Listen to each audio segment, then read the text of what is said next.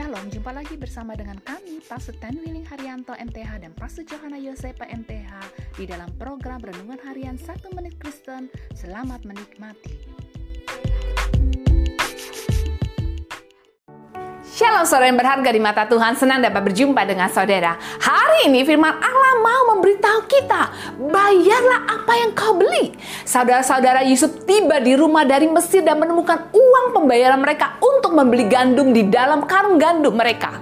Beberapa bulan kemudian ketika waktu untuk kembali ke Mesir untuk membeli makanan, Yakub memerintahkan mereka untuk membawa ekstra uang sehingga mereka dapat membayar pembelian mereka yang lalu dan juga untuk membeli gandum lagi.